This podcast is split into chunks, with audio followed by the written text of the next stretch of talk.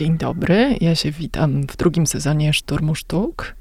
I ten sezon otwieramy z przytupem, bo moim gościem jest Robert Sydel, dyrektor Państwowego Muzeum Etnograficznego, etnograf specjalizujący się w komunikacji. Dzień dobry, dobry wieczór, dzień dobry. Nie wiem o jakiej porze dnia lub nocy słuchacie. To jest elastyczna formuła odsłuchu. No właśnie, Robercie. dlatego pomyślałem, że może być zamiast dzień dobry również e, dobry wieczór z przytupem. To z jakimś kujawiaczkiem powinienem, tak? Bo Tak, przecież dzisiaj wszystkim etnografia kojarzy się ze śpiewaniem, tańczeniem, weseleniem się, e, czyli z folklorem, a zapewniam Państwa, że etnografia i antropologia kulturowa, bo to są dla mnie wymienne ter terminy, ma światu do zaproponowania znacznie więcej. I o tym znacznie więcej będziemy dzisiaj rozmawiać, bo w Szturmie Sztuk w ogóle mówimy o rynku sztuki, o wystawiennictwie, o nowych technologiach i próbujemy zmapować taki moment zmiany, moment buzowania, bomblowania na rynku sztuki, kiedy stare formuły się wyczerpują, nowe się jeszcze nie pojawiły. I w tym duchu będziemy rozmawiać o czymś, co się wydaje takie nieoczywiste, ale jednak jakże aktualne, czyli o sztuce ludowej. No tak, sztuka ludowa, wydaje mi się, że to jest to, co przychodzi nam do głowy, gdy myślimy e, o e, etnografii. E, Sztuka ludowa, która wydaje mi się jest troszeczkę e, obecnie pogardzana. Ona miała swoje e, 5 minut w czasach PRL-u, bo była taką bezpieczną sztuką. Taką sztuką właśnie z ludu, e, z klas e, nieuprzywilejowanych, e, taką sztuką, która uznawana była za samorodną, e, no i tą, która przechowywała ducha narodowego. Ten odcinek y, z przytupem zacznie się oczywiście od polemiki, bo ja powiem, no tak, niby to jest troszeczkę coś, co jest w odwrocie, coś, co nie spotyka się z jakimś niezwykle żywym zainteresowaniem, ale z drugiej strony z jakiegoś powodu okładka Woga, ta sprzed trzech lat, na której e, polska top modelka występowała w towarzystwie zespołu polonijnego, z tyłu była panorama Chicago, z jakiegoś powodu ona odbiła się szerokim echem i to był bardzo głośny fotograficzny projekt Zuzy Krajewskiej, więc jednak nie tylko sztuka ludowa z PRL-u, ale też jakaś nowa odsłona ludowości dochodzi Ależ do Pani głosu. redaktor, ja pociągnę z przyjemnością ten wątek. Prosiłabym. Dlatego, że w, moim zdaniem to nie tylko ta słynna e, okładka, ale też e, artysta, e, który jest ceniony przez e, Vogue i często pojawia się na e, łamach czasopisma, Tomasz Armada. Tomasz Armada, który według mnie jest twórcą ludowym, zaraz wyjaśnię dlaczego, który mm, w Państwowym Muzeum Etnograficznym miał swoją pierwszą wystawę, w której prezentował typy Polaków poprzez właśnie kostiumy, poprzez stroje. Ta kolekcja Tomasza została wpisana do naszego rejestru, także przechowujemy e, te e, typy polskie i mam nadzieję, że no, w przyszłości ktoś będzie mógł otworzyć nasze magazyny i raz jeszcze pochylić się nad tym, co Tomasz Armada zrobił właśnie specjalnie e, dla naszego muzeum. A dlaczego Tomasz Armada jest dla mnie artystą ludowym? Dlatego, że my w Polsce jesteśmy w takiej sytuacji, że kojarzymy lud przede wszystkim ze wsią. A nie wszędzie tak jest. Klasy ludowe to mogą być również e, klasy no, nieuprzywilejowane, klasy robotnicze. E, Howard Zinn, taki amerykański socjolog, e, e, napisał ludową historię Stanów Zjednoczonych i ta po, angielsku jest people.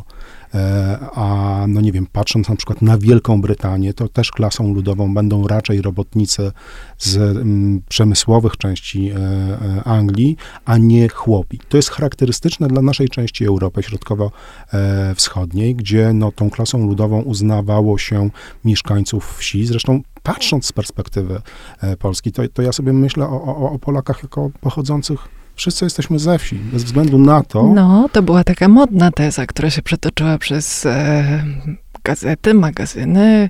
Było kilka takich niezwykle gorących, medialnych dyskusji pomiędzy warstwami uprzywilejowanymi albo ich potomkami, a pomiędzy tymi, którzy się uważali za e, dzierżących schedę ludową albo chłopską. Ja jednak nie do końca bym się z tym e, zgodziła i ten wątek rozwinę troszkę później, ale wróćmy na chwilę do Polski i wróćmy do sztuki, bo to jest przedmiotem szturmu sztuk. To, to jak to jest? Dla, dlaczego to jest taka pojemna kategoria, w której się mieści i ta cepelia, i sztuka zwana naiwną, i sztuka zwana e, naiwną, i sztuka surowa, art brut, e, sztuka nieprofesjonalna. To tak? to jest taka, taka pelerynka, która pokryje wszystko? Czy można w takim razie powiedzieć, że coś nie jest sztuką ludową? No myślę, że sztuką ludową nie jest e, sztuka artystów, którzy wykształceni są w akademii, e, że jednak ta sztuka ludowa będzie charakteryzowała Choćby... się przede wszystkim tym, że to są ludzie, którzy no po pierwsze tworzą z potrzeby, oczywiście wszyscy artyści tworzą z potrzeby, ale też e, no nie jest to ich pierwsze zajęcie, znaczy, że, że artyści wiejscy, już tak no, zrobię takie rozróżnienie, no tworzyli przy okazji. Ci mhm. pierwsi artyści wiejscy tworzyli też na rynek lokalny, tworzyli dla swoich sąsiadów. Dopiero w XIX wieku inteligencja, która ruszyła E, poza e, miasta, poza ośrodki e, uniwersyteckie, zaczęła doceniać, zaczęła wspierać artystów wiejskich. Nagle się okazało, że ci artyści już nie tworzyli na rynek lokalny swojej wsi, sąsiedniej wsi, tylko zaczęli sprzedawać panom z miast, a panom bardziej niż paniom, i takie były czasy, i, i zaczęli tworzyć coś co, mm, dla odbiorców, którzy nie byli z ich lokalnej społeczności. I doszło do takiego, już kończę, doszło do takiego, e, tutaj powiedziałbym, paradoksu, że w pewnym momencie w PRL-u na konkursach sztuki ludowej zaczęto pouczać artystów ludowych żeby oni tu nie kombinowali, żeby tutaj nie, nie upiększali, żeby ta, żeby była prosta kreska. Żeby była prosta, karykaturalna czasami, czasami taka nieokrzesana, bo jeśli oni zaczną się za bardzo rozwijać, to zaczną przypominać tą e, sztukę mainstreamową, e, będą przypominali dzieła swoich wykształconych e, kolegów i utracą ten autentyzm. Tutaj zrobiłem taki ruch łapkami, żeby autentyzm wziąć jednak w cudzysłów. Tak, i obniżył ci się, Robercie, tembr głosu. Oczywiście wszyscy to wychwyciliśmy. To jest bardzo ciekawe, że mówisz o inteligencji i o innej klasie, która wytwarza sztukę ludową i wytwarza kategorię sztuki ludowej trochę przez, przez swój taki mieszczański binokl. I ja tu sobie wynotowałam, jak zwykle mówimy w Szturmie Sztuk, też o jakichś odniesieniach do przeszłości, zgodnie z taką tezą, że w czasach kryzysu sięgamy, sięgamy po jakieś gotowe rozwiązania i gotowe definicje z przeszłości. I ja wynotowałam sobie tutaj taki cytat z architektury i budownictwa z 1938 roku, dotyczący tego, że willi Pniewskiego na Skarpie. To, co uważano za autentyczne misy huculskie, było niczym innym, jak tylko misami kupionymi gdzieś na jakimś warszawskim bazarze, ale E, zostało nazwane misami huculskimi po to, żeby było atrakcyjniejsze, bardziej ludowe, bardziej odsyłające do jakiejś egzotyki, do e, czegoś, co wydaje się stworzone w jakimś innym porządku. I tutaj um, cytat brzmi mniej więcej tak. Pamiętam chłopa, żaden to był Hucu, który od czasu do czasu stawał pod kościołem ewangelickim naprzeciwko mojej szkoły z dużym koszem, z którego sprzedawał właśnie różnego rodzaju malowane dzbanki, gliniaki, miski, talerze, dzbanki. I co? I taki inteligent, który jednocześnie e, dysponuje jakimś so, solidnym portfelem, e, wtapia sobie te misy w strop i mówi, to jest sztuka ludowa, to jest też ciekawe, e, że to są misy huculskie, mhm. bo przyzwyczailiśmy się, że tą krynicą e, sztuki ludowej to jest styl zakopiański, to co pochodzi z podsamiutkich Tatr, to, to jest właśnie autentyczne i ludowe, podczas gdy w międzywojniu to Huculszczyzna była taką e, krainą, e, z której ta sztuka ludowa w kierunku inteligenckich domów e, płynęła.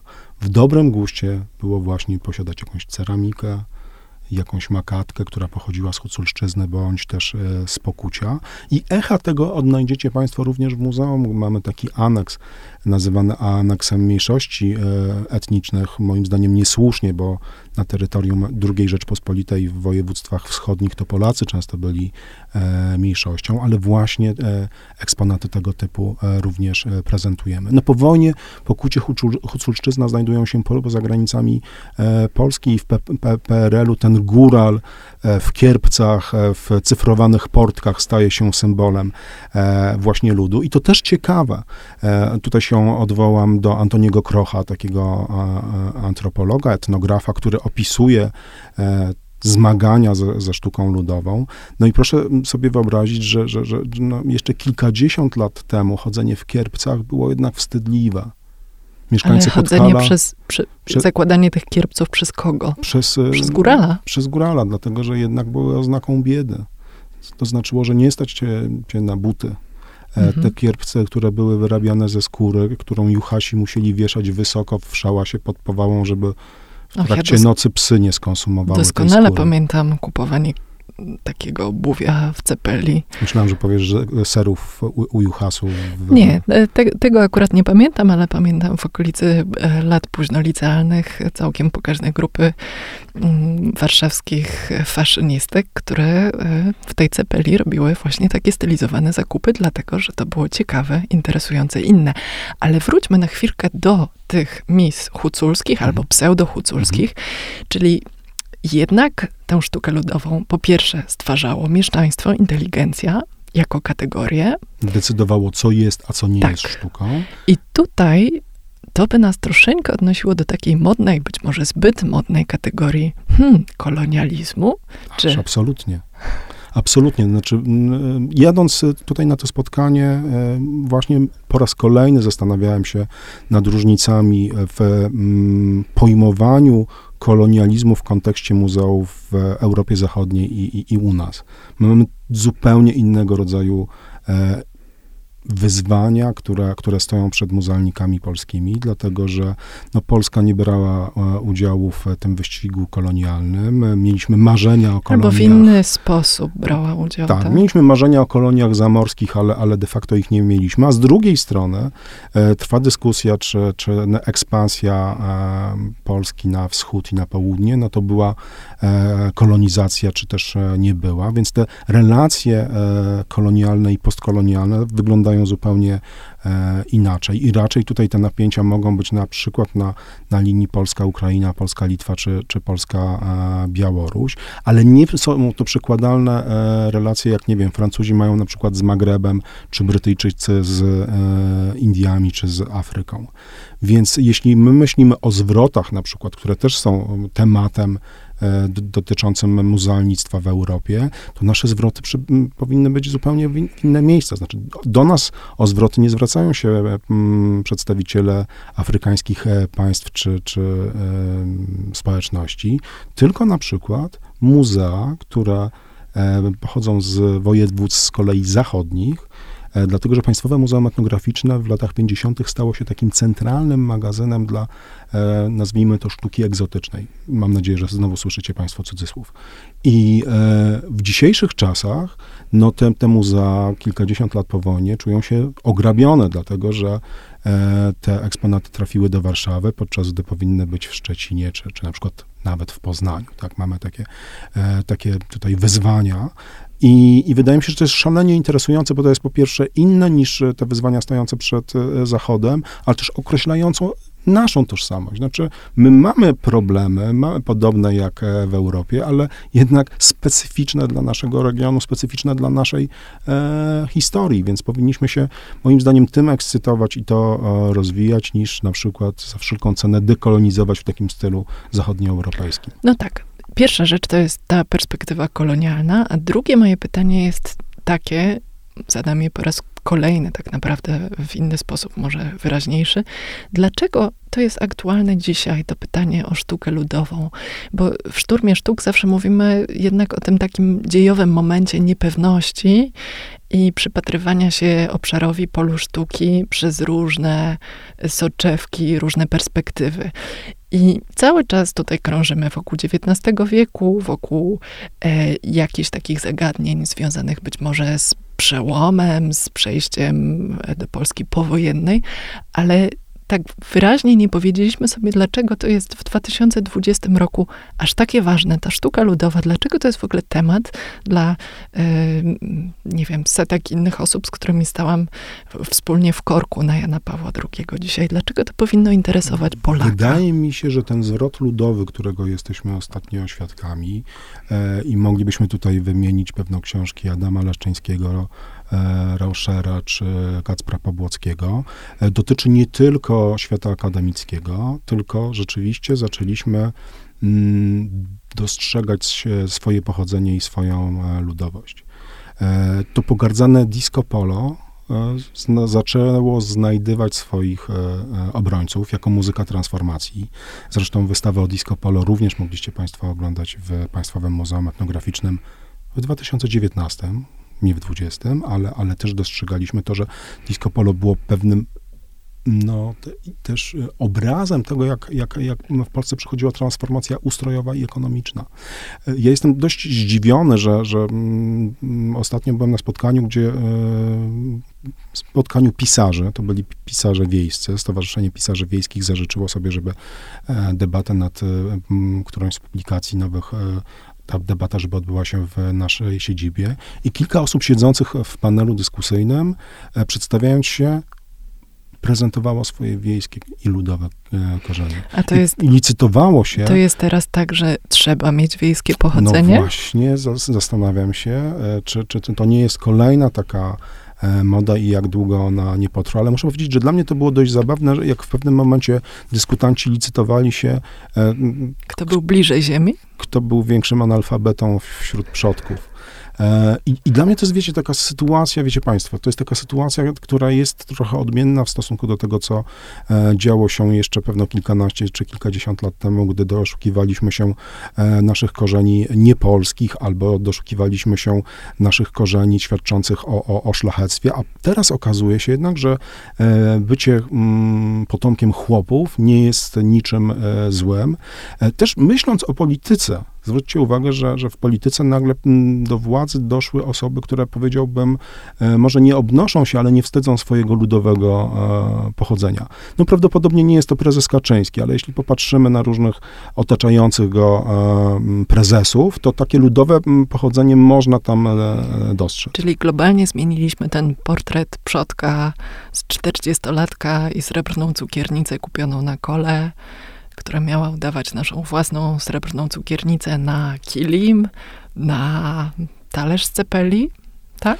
E, ja bym doszukiwał się nie tylko w sztuce takiej materialnej, e, tej ludowości, ale zwróćcie Państwo uwagę na kulturę ogrodów, w których mają być równo zasadzone tujki i wszystko, no, przepraszam, zrobiłem tuje, i e, może już nie ma tych krasnali ogrodowych i e, różnego rodzaju innych manifestacji e, rzeźbiarskich, ale, ale mamy ogrodzone ogródeczki, jednak nie mogę się wezwać tych e, zdrobnień i w tych e, działkach, które są właśnie zaznaczone, tu ją staramy się wrócić do ziemi, to jest nie, niezwykłe, że jednak taki powiedziałbym duch agraryzmu e, krąży nad e, Polską. I przerwałaś mi, gdy mówiłem, że wszyscy jesteśmy ze wsi, ale zwróćcie Państwo uwagę, że bez względu na to, czy będziemy szukali swoich koźrzeni w ziemiaństwie i w szlacheckim dworku, czy w, e, jednak w jakichś folwarcznych e, e czworakach, to jednak e, jedna i druga narracja związana są, e, związane są z e, tym przywiązaniem do ziemi, z taką bliskością natury, przy czym ta natura jest pojmowana właśnie jako taka przewidywalna, dająca się ogarnąć, zaplanowana, tak, te pola mają nam coś dawać. I, i, I to znowu mm, z jednej strony jest charakterystyczne dla, dla Polski, ale też charakterystyczne dla regionu, bo jeśli sobie popatrzymy na naszych zachodnich e, sąsiadów, no to tam agraryzm Humboldt, który cenił sobie pejzaż, te e, romantyczne landschafty, e, które e, w pewien sposób e, no, doceniały e, przyrodę, to, to, to jest ten nasz kawałek Europy. Więc jesteśmy trochę inni, a jesteśmy trochę tacy sami. To wróćmy na sekundkę do tego kolekcjonowania, które jest naszym oczkiem w głowie. Jeśli Pniewski zbierał huculskie misy, prezentował je w formie dekoracji, ornamentu, to czy możemy sobie wyobrazić, że teraz ci nowi mieszczanie, nowi warszawiacy będą zbierać pracę Tomasza Armady, właśnie tak jak się kiedyś zbierało z warszawskiej perspektywy, czy z inteligenckiej perspektywy sztukę ludową? No pytanie, czy zbierać, dlatego że to, co mm, taka mm, pierwotna sztuka ludowa e, czym się e, charakteryzowała, to jednak funkcjonalność. Mhm. Więc wyobrażam sobie, że e, my po prostu chodzimy w Tomaszu Armadzie, e, chwalimy się, że to właśnie on wyrychtował nam jakieś spodnie czy kubraczek i używamy go więc to kolekcjonowanie wygląda e, w taki, powiedziałbym, funkcjonalny sposób. No te misy, e, e, które są w, umieszczone w suficie, no one też mają swoją funkcję dekoracyjną. To nie jest taka kolekcja, którą gdzieś tam zamykamy w gabinecie osobliwości i otwieramy go, żeby raz na jakiś czas zaprezentować, e, pochwalić się przed znajomymi, tylko no jest to w permanentnym użyciu. Bez względu na to, czy przychodzi listonosz, czy gość, to widzi misę, prawda? Prawda, absolutnie się zgadzam. To by nas odsyłało jednak do kategorii rzemiosła. I zgodzę się z Tobą, że rzemiosło też kontekście ludowym albo w zabarwieniu ludowym wraca do łask. I myślę sobie tutaj o wielkim zwrocie do polskiej tkaniny artystycznej. E, o nazwiskach takich jak Abakanowicz, Owicka, o wielkim trendzie kolekcjonowania i prezentowania też w obiegu aukcyjnym takiej historycznej tkaniny artystycznej. Natomiast to, co się w pierwszym rzędzie pokazuje i o czym się mówi w kontekście tej tkaniny artystycznej, to jest tradycja awangardy, czyli ta intelektualna nakładka, a sama tradycja rzemieślnicza, to, że tam jest jakaś tkaczka, że ktoś umie sple, spleść te węzełki, to jest jakby tak, wiesz, tło, albo delikatnie wybrzmiewa to gdzieś e, w, w, w muzyce, w muzyce tła. Mhm. I... Ale to, to, to jest tak, że te wzory, które przenikały do sztuki ludowej, często były wzorami pańskimi, które w wyniku takiego opadu kulturowego po kilkudziesięciu, kilkuset latach mogliśmy odnaleźć właśnie w sztuce e, ludowej. To dotyczy również e, haftu. Ale e, wydaje mi się, że no, również tkanina dwuosnowowa, która, która jest gdzieś tam doceniana i która również w ten sposób, jak to scharakteryzowałaś, wytwarzana, że oto panie mówiły, jak tkać, co więcej, gromadziły prowadziły dziewczęta, żeby te dziewczęta nie zeszły na złą drogę, dawały jej pomysł na pracę, a one miały e, wytwarzać. W dzisiejszych czasach zwróć uwagę, że to jest też tak, że chcemy się uczyć jednak tych ginących gdzieś e, zawodów i może nie zostajemy e, szewcami bądź też cholewkarzami, to chyba kwestia czasu. U siebie, bo ja, ja siebie nie podejrzewam, ale być może będzie można kiedyś mnie sprawdzić, ale chcemy na tym kole garncarskim coś e, wytworzyć, czy usiąść e, za krosnem, czy za jakimś warsztatem i coś tam, coś tam sobie samemu e, wytworzyć. I wtedy, no pytanie, prawdopodobnie nie jesteśmy artystami ani rzemieślnikami, ale jesteśmy dumni, że pracą własnych rąk coś wytworzyliśmy, prawda? No tak, ale ja bym się ciągle upierała, że my kupujemy w cudzysłowie tę tkaninę artystyczną i kupujemy portfelem i kupujemy intelektem jako wytwór pański, a nie chamski. I że, że to jest to, co nas przekonuje. Czyli jednak uważałabym, że to jest w porządku starego snobizmu intelektualnego, a nie nowego snobizmu pod tytułem Mój dziadek był większym analfabetą niż twój dziadek. Ale to jest moja opinia. No dobra, jedna rzecz to jest forma, czyli rzemiosło, to nurzanie rąk w mokrej glinie, które nas przenosi do tradycji, pod strzechę i w ogóle wszyscy się cieszymy, że e, wyszliśmy z biura i nie zajmujemy się już klepaniem w klawiaturę. A druga rzecz to jest ludowość jako temat. I to też w sztuce teraz bardzo, bardzo do, wyraźnie dochodzi do głosu. Ja myślę sobie na szybko o dwóch artystkach, o Dominice Kowyni, która po pierwsze maluje w sposób puszczający oko do malarstwa naiwnego, ale też podejmuje takie tematy, maluje pszczelarzy. Myślę o y, Violetcie Żążewskiej, która maluje mazowieckie pogrzeby, takie typ, typowo etnograficzne wątki. Dlaczego malarki, malarze się teraz zabierają za takie wątki? Dlaczego takich, takich obrazów prawie nie było 10 lat temu?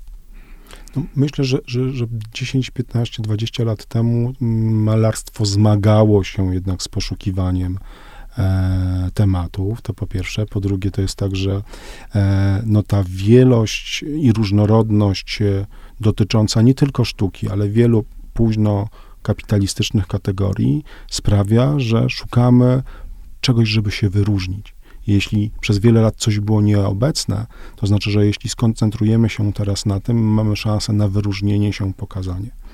Za kilka miesięcy w Państwowym Muzeum Etnograficznym e, otworzymy wystawę malarek warszawskich. E, czterech artystek, które pochodziły z różnych środowisk, które malowały różnymi technikami, to co je łączy, to miejsce urodzenia, ale też pokazuje, jak ta sztuka nieprofesjonalna, naiwna może dotykać różnych e, tematów. Moja ulubienica Maria Korsak, e, która tworzyła jeszcze do e, lat 80. E, ubiegłego wieku, za temat swoich prac obrała ogrody. Ogrody i parki w tym ogrody i parki warszawskie, nie tylko Eden, który można podziwiać na naszej wystawie Biblia Pauperum, jest na przykład Ogród Saski, Park, Parku Jazdowski. Więc e, ty mówisz o tematach, jak to nazwałaś elegancko, e, etnograficznym, e, tematach etnograficznych, podczas gdy ja bym też chciał zwrócić uwagę na to, że e, ta przyroda, zwierzęta, pejzaż stają się też e, e, takim tematem, który jest obecny zarówno u tych nieprofesjonalnych, jak i u profesjonalnych e, artystów. Wydaje mi się, że, że, że te biografie są też e, ważne i pochodzenie, bo jednak zapomnieliśmy w okresie transformacji, że istnieje coś takiego jak społeczeństwo klasowe. I to w jakiej klasie się urodziłaś, wychowałaś i dojrzałaś jako artystka, trochę determinuje też to, kim jesteś, bo wspomniany przez ciebie Rycharski, on ma wykształcenie, bardzo dobre wykształcenie, a jednak jesteśmy oboje skłonni mówić o nim jako artyście ludowym, prawda? Dlaczego? Dlatego, że on po pierwsze nie wstydzi się swojego pochodzenia, e, po drugie wraca do Kurówka, prawda? I podkreśla to, e, ten swój związek e, ze wsią. To samo z Tomkiem Armadą, który też nie wstydzi się swojego e, pochodzenia, w tym przypadku jest to e, mała miejscowość, opowiada o tym, ale jest takim, e, powiedziałbym, artystą e, ulicznym, w sensie takim streetowym, e, żebym dobrze został e, zrozumiany. Więc, więc e, wydaje mi się, te biografie artystów są niezwykle e, ważne w pojmowaniu tej ludowości poszerzonej, gdy przestajemy myśleć tylko i wyłącznie e, o tym, że ludowa może być wieś, bo ludowe może być e, miasto, tak? Blokowisko, na którym się wychowujesz. tak Czyli dalej. co, Robercie? Czyli zainteresowanie, tematyzowanie i przyglądanie się sztuce ludowej i szerzej klasie ludowej jest funkcją takiego nowego krystalizowania się społeczeństwa klasowego w Polsce? Ja myślę, że to nie jest nowe, bo społeczeństwo klasowe i, i klasowość w Polsce były mocno wpadnę- ugruntowane, tylko wpadnę ci troszeczkę... tylko w słowo, jednak mówiliśmy o dość dużej mobilności, która chyba teraz się zamyka.